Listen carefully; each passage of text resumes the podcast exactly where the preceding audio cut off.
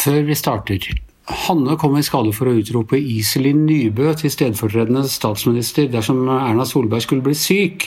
Det er faktisk Guri Melby som nå er nummer to i regjeringens interne rangordning, som leder for det største av de to ganske små andre partiene i regjeringen. Og det er slik det vanligvis er. Må legge til at det er ikke helt enkelt å finne ut av dette på regjeringens hjemmeside eller på Google som sådan, så håper at våre lyttere kan eh, tilgi oss denne feilen, men nå er den altså rettet, og vi er klar for dagens sending.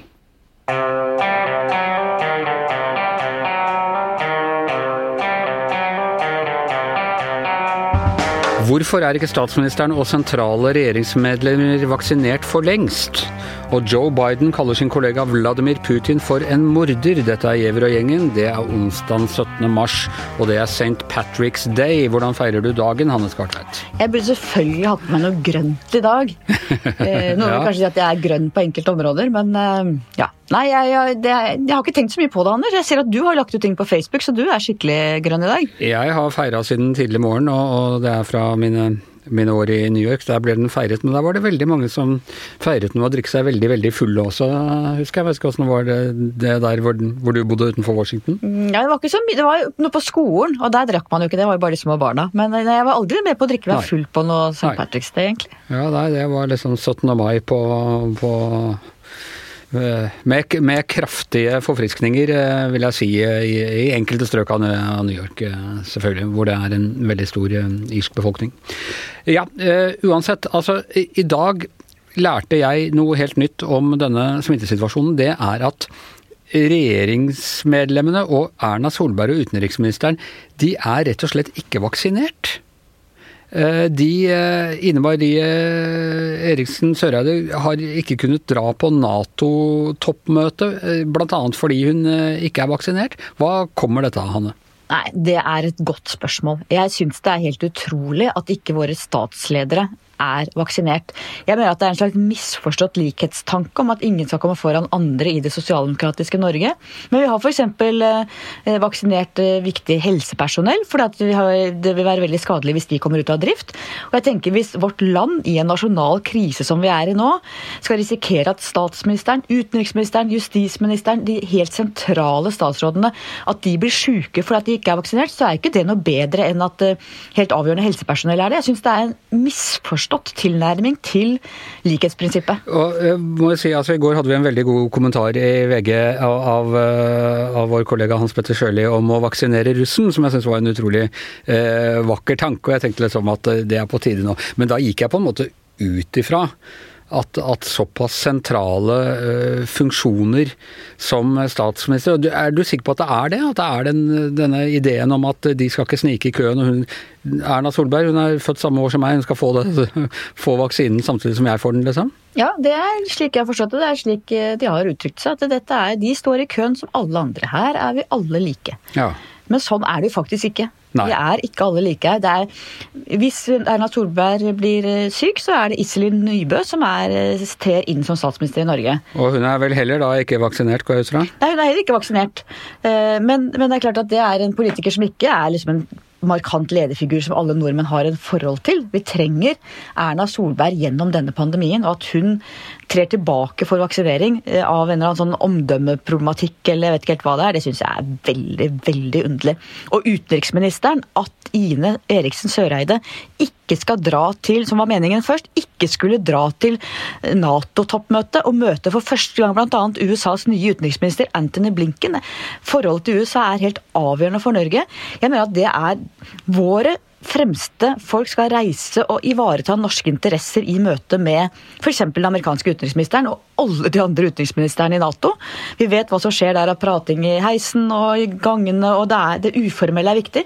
Så dette mener jeg er en grov feilvurdering fra regjeringas side. Det er litt som under krigen at Churchill ikke skulle få lov til å gå i bomberommet før det var plass til absolutt alle engelskmenn i bomberommet, eller alle, alle på hans uh, alder uh, i bomberommet. Det er jo uh, lett å være enig med deg i, i, det misforståtte. Men er det også noe vakkert ved det? At uh, i Norge lederne sniker ikke i køen, og, og de går ikke foran og, og oss andre? Ja, I utgangspunktet er det en veldig fin ting. Det er klart Vi har ikke en elite som forskanser seg på samme måte som eliter i mange andre land, eller som tiltrer seg privilegier som andre ikke har. Men du må samtidig se på hva som funker, hva som er praktisk, hva som er fornuftig. Og jeg vil mene at det er veldig ufornuftig at vi risikerer at våre fremste ledere i denne situasjonen kan bli syke og ute av kraft til å gjøre jobben sin i lang tid. Men uh, kongeparet var jo noen av de første som ble vaksinert. men det Kanskje litt med, med alder òg, men det var jo også fordi det var en viktig symboleffekt. Og det vel noe, hadde vel også vært noe av poenget med, med vaksinert eh, statsminister. At, at det hadde vært et viktig eksempel til etterfølgelse for å få folk til å vaksinere seg? Absolutt. og det er klart at Nå har ikke vi så langt, i hvert fall ikke før alt dette med AstraZeneca har kommet opp nå, så er jo ikke Norge preget av vaksinemotstand på samme måte som veldig mange andre land er. Eh, men det har jo også en effekt. De som da tviler på vaksinen og setter spørsmålstegn ved den og er vaksinemotstandere, det er klart at for dem kan det være mer bensin på bålet når de sier ja, se, statsministeren tør ikke, utenriksministeren tør ikke.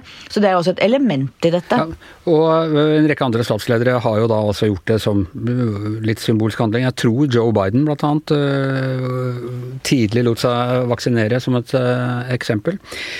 Uh, og jeg vet ikke om det er det som har gjort ham litt ekstra eplekjekk, men han var ute nå i forbindelse med en ny etterretningsrapport som amerikanerne har lagt fram, hvor de slår utvetydig fast at um, Russland igjen prøvde å påvirke valgkampen i USA til fordel for Donald Trump. Uh, den viste noe overraskende at Kina ikke hadde uh, involvert seg i det hele tatt, verken for den ene eller andre kandidat, men at Iran visstnok til en viss grad, ikke like omfattende som Russland, skal ha ja, foretatt grep for å, for å, støtte Joe Biden. Men i forbindelse med at uh, disse opplysningene kom fram, så har Biden vært på uh, ABC Television, snakket med vår gamle venn George Stephanopoulos, som, som i sin tid jobbet for Clinton-administrasjonen, og på direkte spørsmål om Clinton er en morder Nei, unnskyld. På direkte spørsmål om Biden er en morder, så, så svarer altså Joe Biden at ja, Putin er en, eh, er en morder. Er det, det er harde ord fra en amerikansk eh, statsleder? Ja, jeg må innrømme at jeg skvatt litt i, i, stolen da jeg hørte det. Og han utdypet det jo ikke, så det blir jo stående som et veldig sterkt statement. Hvordan tolker du det, Anders? Ja, altså, jeg husker jo Biden som utenriksminister i sin tid, under Clinton, er derfor jeg roter litt med, med, med Clinton og sånn her. Eh, da var han jo ute og, og kalte Milosevic eh, i Jugoslavia-konflikten eh, en morder. Han var kjent for å eh, ta ganske kraftig og bruke udiplomatiske ordlag. Det er klart at det er noe helt annet når du er president. Nå er det vel ikke noe særlig tvil om at, at Putin er en står bak forfølgelse av politiske opposisjonelle og politiske opposisjonelle som er blitt drept. Men eh, man skal jo kunne knytte den typen påstander Man skal ha ganske gode beviser på det. Man kan også lure på, på fruktbarheten i å uttale seg sånn.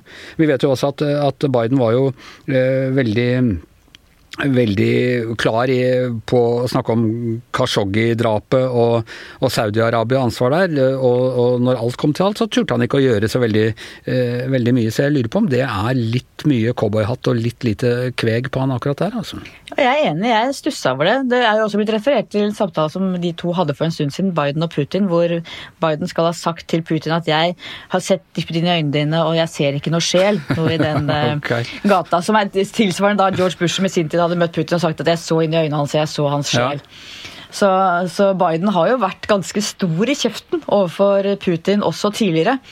Eh, og Det er klart at det forteller jo noe om veldig økte spenninger i verden, både mellom de gamle fiendene Russland og USA, og, og i det hele tatt hvilket trusselbilde vi nå lever under. Og det veldig dårlige forholdet som nå er mellom uh, USA og Russland, det oppstår jo uh, delvis etter at, uh, at Hillary Clinton var utenriksminister, og hennes reaksjoner på, på Russlands ekspansive politikk, det gjorde Putin veldig anti-Clinton. Det gjorde, førte førte til at Russland gikk inn og, og støtta Trump. Og det er noen realpolitiske konsekvenser av å snakke på den måten som, eh, som ikke er helt heldige?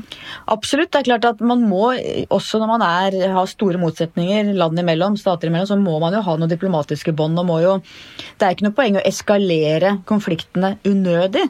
Samtidig som det er viktig å være klar og tydelig. Og som du var inne på med, med Biden og Saudi-Arabia, han var jo veldig tydelig der, men turte ikke å walk to walk, nei, talk to talk, not walk to walk. Um, det er noe med å finne den balansen som Joe Biden med sin bakgrunn absolutt burde gjøre. Jeg syns jo på en måte at det er litt sånn befriende at han er så tydelig òg. Det gjør jo litt godt for sånne som oss som er, som slipper å ha ansvar.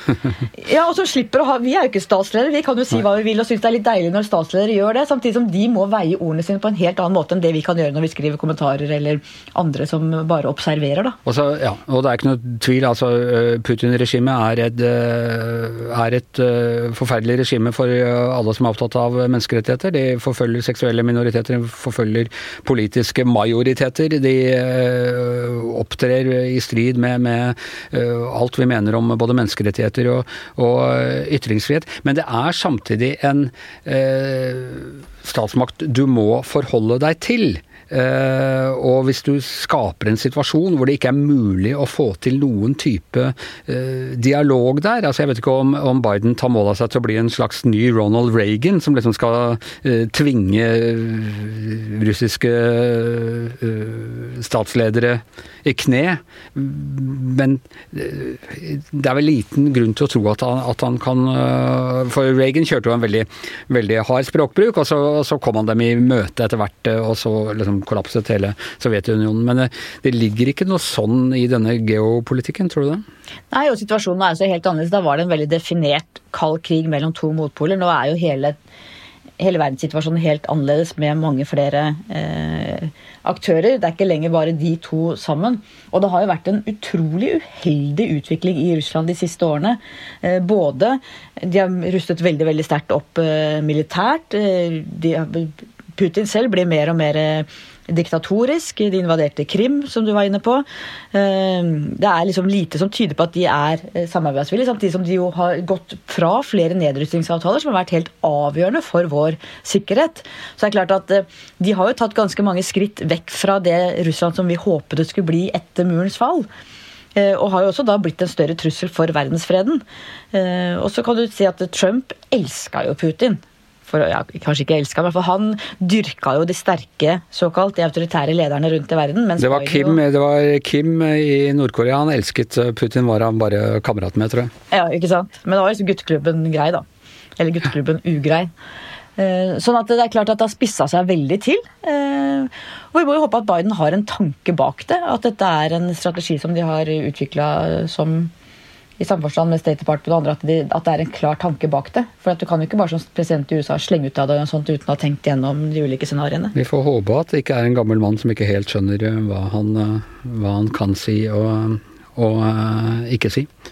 Det hadde vært helt Nå så du betenkt ut, Anders. Ja, jeg, jeg, må, jeg, var, jeg var, ikke helt komfortabel med, med den, den, den uttalelsen der fra Biden. Det hadde selvfølgelig vært helt Altså, vi, vi har jo Det var jo ikke noe tvil om eh, Norges eh, plass og stilling under hele sovjettiden, hvor det var eh, enda verre ledere i, i Russland enn det vi har i dag. Men det var helt utenkelig for en norsk statsminister å, å kalle Brezjnev for en morder. Det er klart, vi har jo, Norske forhold til Russland har jo alltid vært veldig komplisert. fordi at vi både har vært eh, allierte og vært på vestlig side og vært på demokratiets side hele veien og vært med del av Nato-alliansen, som jo er, var motpolen til Russland. Samtidig som de er naboene våre. Vi er nødt til å forholde oss til naboen. Har du en dårlig nabo, så må du allikevel forholde deg til naboen. Fordele litt uh, plenklipping og snømåking og ikke spille for høyt om kvelden. Altså, du må få et forhold til naboen din uansett om det er bra eller dårlig nabo. Det er som nabo Jensen til Donald Duck.